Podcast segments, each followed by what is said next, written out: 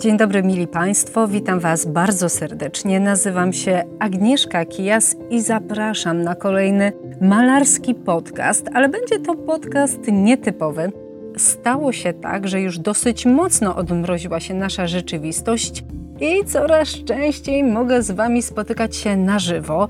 I z tej okazji chciałabym Wam zaprezentować nagranie, jakie zostało zarejestrowane w trakcie właśnie takiego mojego występu. Myślę, że będzie to dla Was także taka jakaś miła odmiana, a sama nie ukrywam, mam tych zajęć aktualnie tak bardzo dużo, że nagrywanie audycji z częstotliwością raz na tydzień zaczyna po prostu sprawiać pewien problem ale z drugiej strony ogromnie się cieszę, że te spotkania na żywo są, że możemy się widzieć wreszcie twarzą w twarz. Obiecuję, że po tym szalonym wrześniu, po tym szalonym otwarciu, przyjdzie październik i mam nadzieję, że już wszystko wróci do normy, do swojego tempa.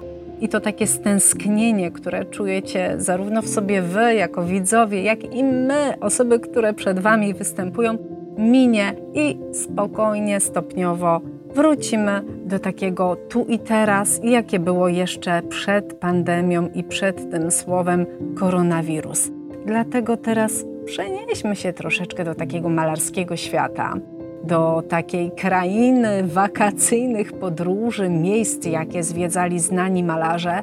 Posłuchajcie, co mam Wam na ten temat do powiedzenia Dodam tylko, że materiał został zarejestrowany w Tyskiej Galerii, Galerii Stref Art, gdzie prowadzę taki cykl ze sztuką na ty. I właśnie podczas takiego cyklu na dole opowiadam trochę o jakimś temacie związanym z głównym punktem wystawy, a potem jest druga część spotkania, i ta druga część to już jest takie opowiadanie o konkretnych obrazach. Po prostu biorę moich gości i pokazuję im, co dla mnie zupełnie subiektywnie znaczą dane obrazy.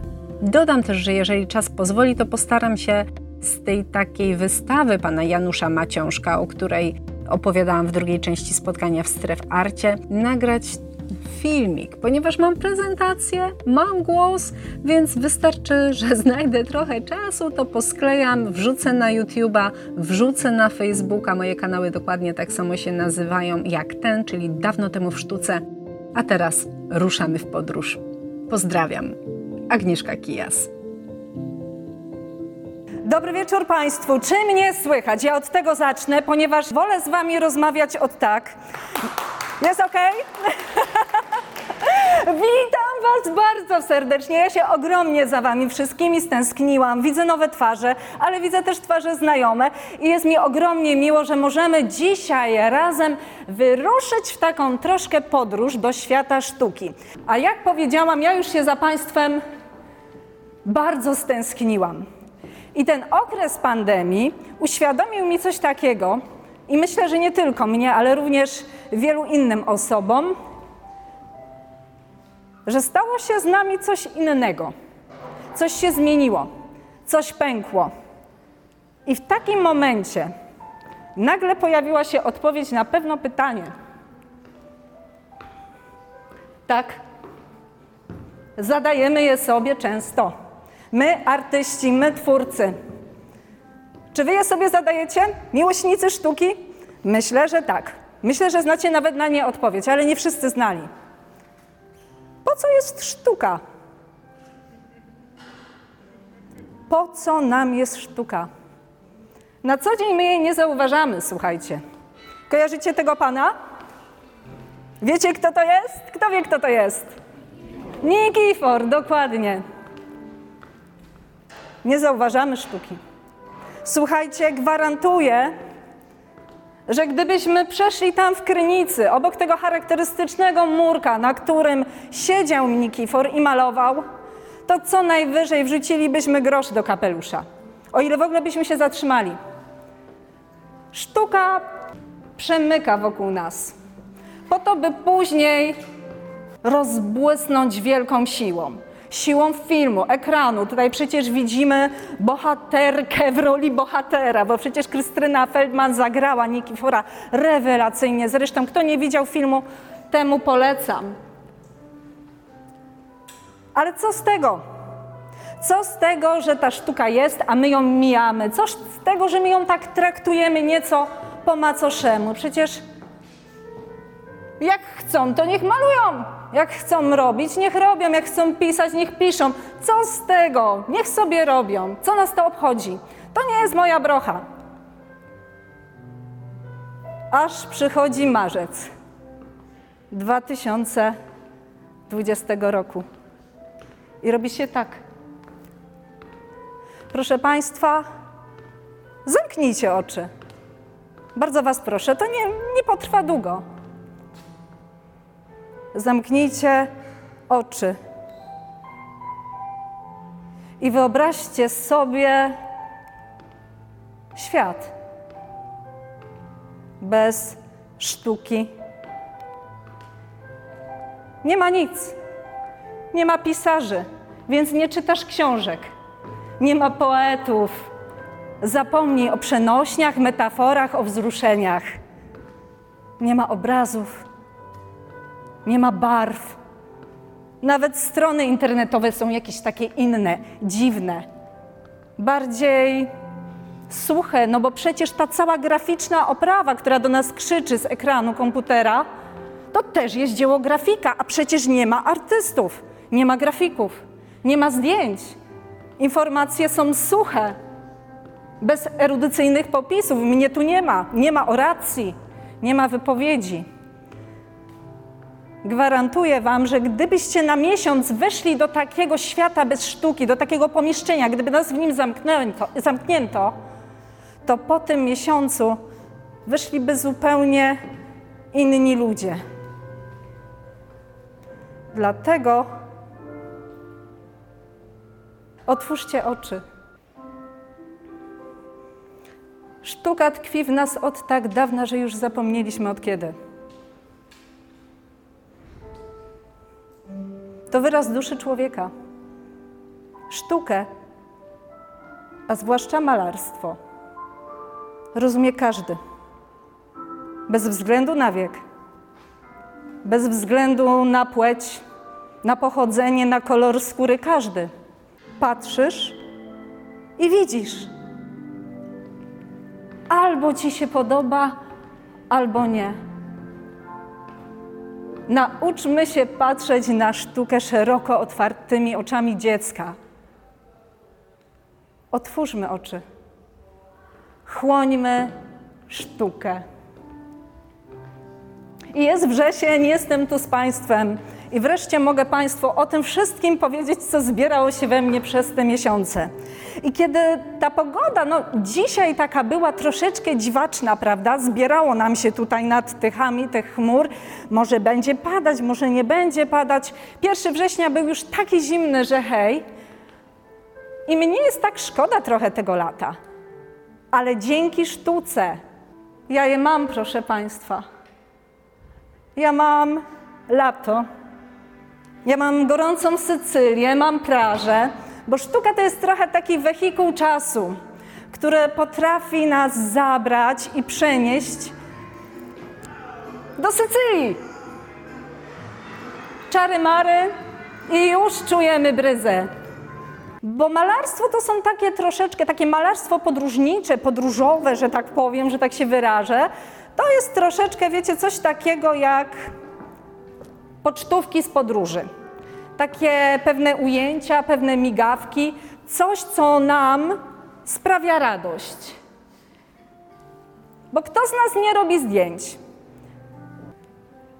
Dla nas to są tylko wspomnienia. Albo aż wspomnienia. A tu na styku papieru, wody i powietrza powstanie linia, której nie odda żaden aparat. Miękka fałda farby rozmieje się draperią na czerpanym pergaminie. Czary mary. Biedny malarz. Idzie, idzie i gdzie nie spojrzy na tych wakacjach. Chce chłopina odpocząć, a tu inspiracja. Cóż począć? Trzeba brać farby, trzeba malować, trzeba tworzyć. a potem my możemy podziwiać te obrazy w najznamienitszych galeriach sztuki.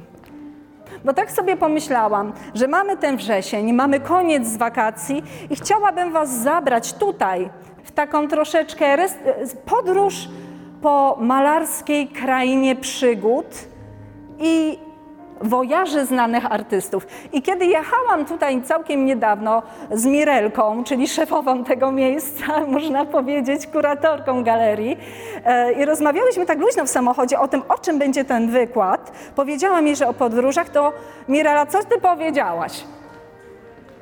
Czy będzie Gauguin dokładnie? To chyba się nasuwa tak samo, tak automatycznie, bo to był podróżnik. Jeżeli ktoś z Państwa nie wie, kim był ten Ancymon, to ja tylko powiem, że to był człowiek, który najprawdopodobniej w trakcie pewnej awantury, bo jest taka teoria, złapał za szpadę i jednym sprawnym ruchem zranił w ucho Vincenta van Gogha. Bo Vincent van Gogh nie stracił ucha, nie obciął go sobie, jak zwykliśmy sądzić, tylko najprawdopodobniej został okaleczony. Po wszystkim taka szpada jak ta wylądowała w Rodanie, ale w korespondencji pomiędzy tymi malarzami można się doczytać, że to właśnie Gauguin zranił Van Gogha. Po wszystkim, kiedy panowie już się tak mocno pokłócili, Paul postanowił wyjechać i szukać inspiracji poza miastem, poza Paryżem, a kierunek obrał na Tahiti. Tam wśród dzikich krajobrazów, bujnych kolorów, wśród orchy, wśród zieleni. Znaleźć chciał to, co pierwotne, to, co dziewicze, czyli ten cały początek sztuki. Ale zamiast początku sztuki znalazł cywilizację. Słuchajcie, tam dotarli już koloniści i wyspy już zostały dosyć mocno ucywilizowane przez europejskie społeczeństwo, zawiódł się, bo zobaczył, że ludzie pierwotni nie są już pierwotni, ludzie dzicy nie są już dzicy, wszystko się zaczęło zmieniać. Dlatego postanowił tego dziewictwa szukać gdzie indziej, w ramionach pięknych dziewcząt, młodych dziewcząt, nastolatek. Bawił się nieźle.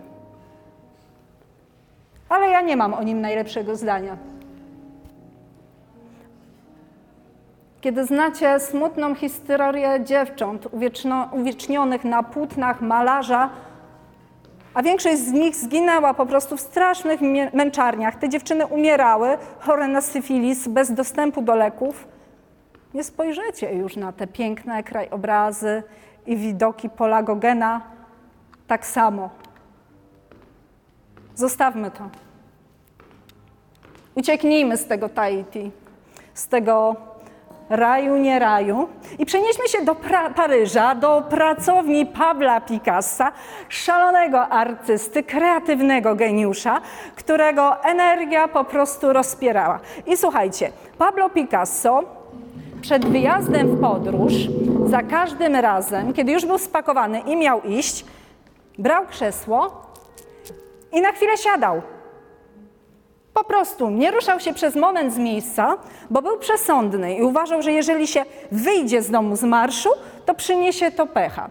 I kiedy już wychodził, to obierał kierunek na Lazurowe Wybrzeże i spędzał tam na dobrą sprawę wakacje co roku. Pierwszy raz pojechał tam ze swoją żoną Olgą. Spędził tam jedne wakacje, drugie, trzecie, byli z nimi przyjaciele. No ale w pewnym momencie Olgi już nie było u boku Picassa, pojawiła się inna kobieta, pojawiły się inne kobiety, ale wakacje zostały. I pomiędzy szalonymi eskapadami, pomiędzy balangami, spacerami po plaży, Picasso tworzył dzieła niesamowite. Zawsze wynajmował sobie dom, w którym miał swoje atelier, a czasami był to zamek, więc rozmach tutaj mamy nieziemski. A malował wszystko, co widział. Mnóstwo jego obrazów powstało właśnie wtedy, kiedy wypoczywał na lazurowym wybrzeżu.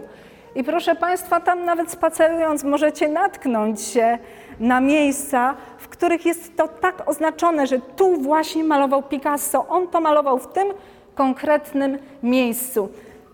Natomiast Do tego stopnia Pablo szalał na wakacjach, że było tak, że jego samochodem wracał szofer z obrazami, a on sam się już nie mieścił i jechał pociągiem. Taki był płodny. Nawet zaczął zajmować się ceramiką. Tak Picasso znał się na wszystkim. Na kobietach również. Dlatego ze swoją ukochaną, Francis, zamieszkał na końcu życia właśnie tam na, na Lazurowym Wybrzeżu, ale ich związek również okazał się nietrwały i kruchy, jak ta ceramika. Proszę Państwa, a teraz przeniesiemy się już troszeczkę gdzie indziej. Jesteśmy w Stanach Zjednoczonych i mamy amerykańską malarkę, George O'Knee, która zawarła pewien ciekawy układ z ananasem w tle. Otóż firma Dole zaprosiła ją do tego, żeby po prostu wyjechała na sponsorowane wakacje i w zamian za to stworzyła kilka prac reklamowych. Malarka oczywiście długo się wahała, ale w końcu wizja trzymiesięcznego pobytu ją przekonała od, i powstała taka reklamówka. Przekonało ją to do tego stopnia, że choć początkowo miały powstać tylko dwie prace, namalowała ich aż dwadzieścia. Do końca życia wracała na Hawaje. Nawet u siebie w domu stworzyła taką oranżerię inspirowaną klimatem szalonej wyspy Honolulu. A wiecie, kto to jest? Poznajecie tego pana? A kiedy powiem Hiszpania, skandalista, sumiaste wąsy, Dokładnie, brawo, to jest czołowy skandalista XX wieku, surrealista Salvador Dali, który gdy był małym chłopcem spędzał swoje wakacje w miejscowości Cadaqués razem ze swoją rodziną i proszę mi wierzyć, że on wówczas malował tak – w ogóle nie jak dali. My tutaj w ogóle nie widzimy tego surrealizmu, tych cieknących zegarów, tych żyraf płonących, kobiet z szufladami. Tu jest grzecznie, tu jest pięknie, tu jest uroczo. Nie jak Dali. Młody Dali właśnie tam, w Kadakes, bardzo często malował swoją siostrę, Annę Marię. To była jego ukochana modelka. Spędzali razem ogrom czasu ale niebawem to się zmieniło, bo u boku Salwadora, właśnie w tej miejscowości się poznali, pojawiła się Gala, jego muza, która go stworzyła i która doprowadziła do tego, że z grzecznego chłopca Dali przeistoczył się w surrealistę. I można powiedzieć, że to jest najlepszy przykład na to, jak twórca pod odpowiednimi skrzydłami może się rozwinąć. Salwador przy, przy Gali tak rozwinął się do tego stopnia, że podpisywał swoje dzieła Dali i Gala, Gala i Dali. Uznał, że ta praca nie jest tylko jego zasługą, że żona ma w tym swój udział. I oni zamieszkali na stałe w Kadakes. To jest jego dom z tym charakterystycznym jajcem na dachu, tak? Tam mieszkał Dali, tak zwany trójkąt Dalego. Jak będziecie Państwo w tamtym rejonie, koniecznie zwiedźcie, bo warto. I na koniec jesteśmy już bardziej współcześnie, jeszcze bardziej współcześnie. Paul Klee, który wybrał się w podróż do Tanzanii. To jest oryginalne zdjęcie z tamtego okresu.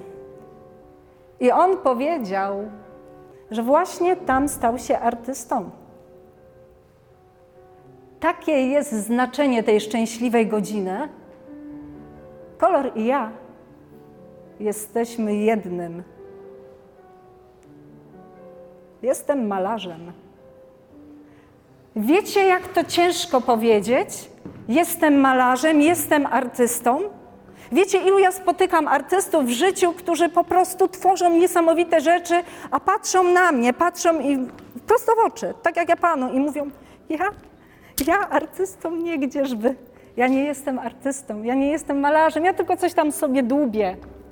Jestem malarzem, mówi Paul Klee. wyobrażacie sobie, co zrobiła na nim ta Tanzania, jakie wrażenie na nim wywarła, co z niego zrobiła? Zrobiła z niego malarza. Odkrył kolor. Sztuka nowoczesna weszła na zupełnie inne tory. To był przełom. To był przełom. Wcześniej nikt tak nie malował. Wniosek? Warto podróżować, proszę Państwa.